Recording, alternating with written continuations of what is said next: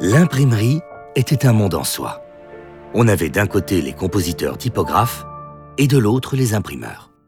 Plus les compositeurs composaient rapidement, plus les imprimeurs pouvaient imprimer. Et plus ils gagnaient. Du moins, si l'épreuve corrigée revenait de la salle de correction dans les délais voulus. On travaillait dur ici.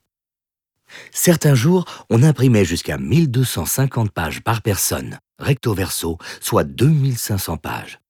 Donc, actionner 2500 fois la platine manuellement. Des tensions se créaient de temps à autre entre les membres du personnel.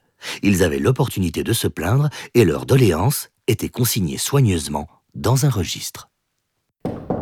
Entrez Entrez Bonjour, monsieur le secrétaire. Bonjour Nicolas. Eh ben, vous avez une bonne mine aujourd'hui.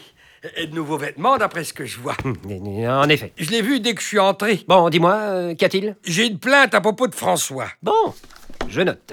François, il dit que j'ai pas une tronche lisse. Pas une tronche lisse. Oui, oui, c'est ce qu'il m'a dit, oui. Tu veux dire que tu as une drôle de gueule, non Eh ben, honnêtement, je sais pas. Il est vrai qu'il n'a pas tort. hein. Oh, bah, euh, Euh, T'es-tu déjà bien regardé dans le miroir oui, ce matin. Eh ben alors, il vaut mieux laisser tomber cette plainte, non Oui, c'est ce que je voulais proposer. De laisser euh, éventuellement tomber Hmm. Ah, cette c'est plainte. ça, c'est bon. Bon, alors continue. Monsieur le secrétaire, Oh, vous avez des yeux d'une si belle couleur. Incroyable. Ça ne m'avait jamais frappé jusqu'à maintenant. Encore autre chose, Nicolas Oui.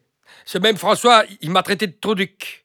Trop, Duc. euh, Troduc, oui. Qu'est-ce que ça signifie, en fait Je ne suis pas tellement familiarisé avec les injures. Type méprisable. Comment oses-tu m'appeler Non, non, je veux dire que Troduc, ça, c'est comme euh, type méprisable. Jamais j'oserais vous qualifier de type méprisable. Ah, C'est ça, hein C'est ça. Pardon. Bon, continue.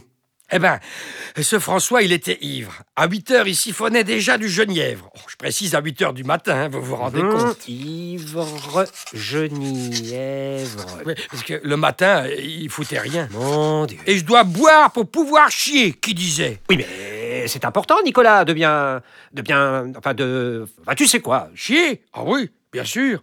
Nous devons tous chier. Mais lui, il traînasse en plus. Nous, on on peut pas bien avancer. Nous gagnons tous de moins en moins. Ah, ce bon à rien qui. Mais toi-même, Nicolas, tu n'es pas réellement une page vierge dans mon registre. Ah non, Qui a uriné contre la porte le mois dernier c'est moi, euh, par hasard. Je devais pisser toute urgence. Que dit le règlement Euh, Qu'on doit pas pisser contre la porte. Ah, tu vois bien, Mais savez-vous encore ce qu'il m'a dit Tu peux me lécher le cul.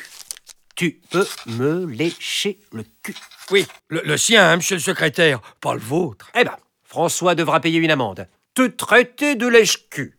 Spécialement toi. Ah non, euh, Non, Oui. ce n'est certes pas permis. oh non, ça c'est pas permis, hein, monsieur le secrétaire. Non. Oh, dites-moi, qu'est-ce que vos cheveux sont Oui, bien oui, oui, coiffés oui, Eh, ça va, aujourd'hui. C'est bon, c'est bon, c'est bon.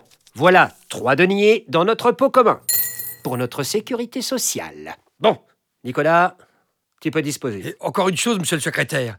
Vous avez une peau tellement douce et belle. Je, je- je peux toucher Non, on ne, Hein on ne touche pas. Vous avez raison. J'aurais pas dû faire ça. Oh, ça suffit. Désolé. T'es tu, t'es tout. Enfin, je vais dire de dehors. Ah, mais- ah, Non, j'ai dit dehors. Oui, mais- Ça suffit maintenant. oui, Ouvrez la monsieur- porte. d'ac- oui, monsieur- Refermez-la. Dehors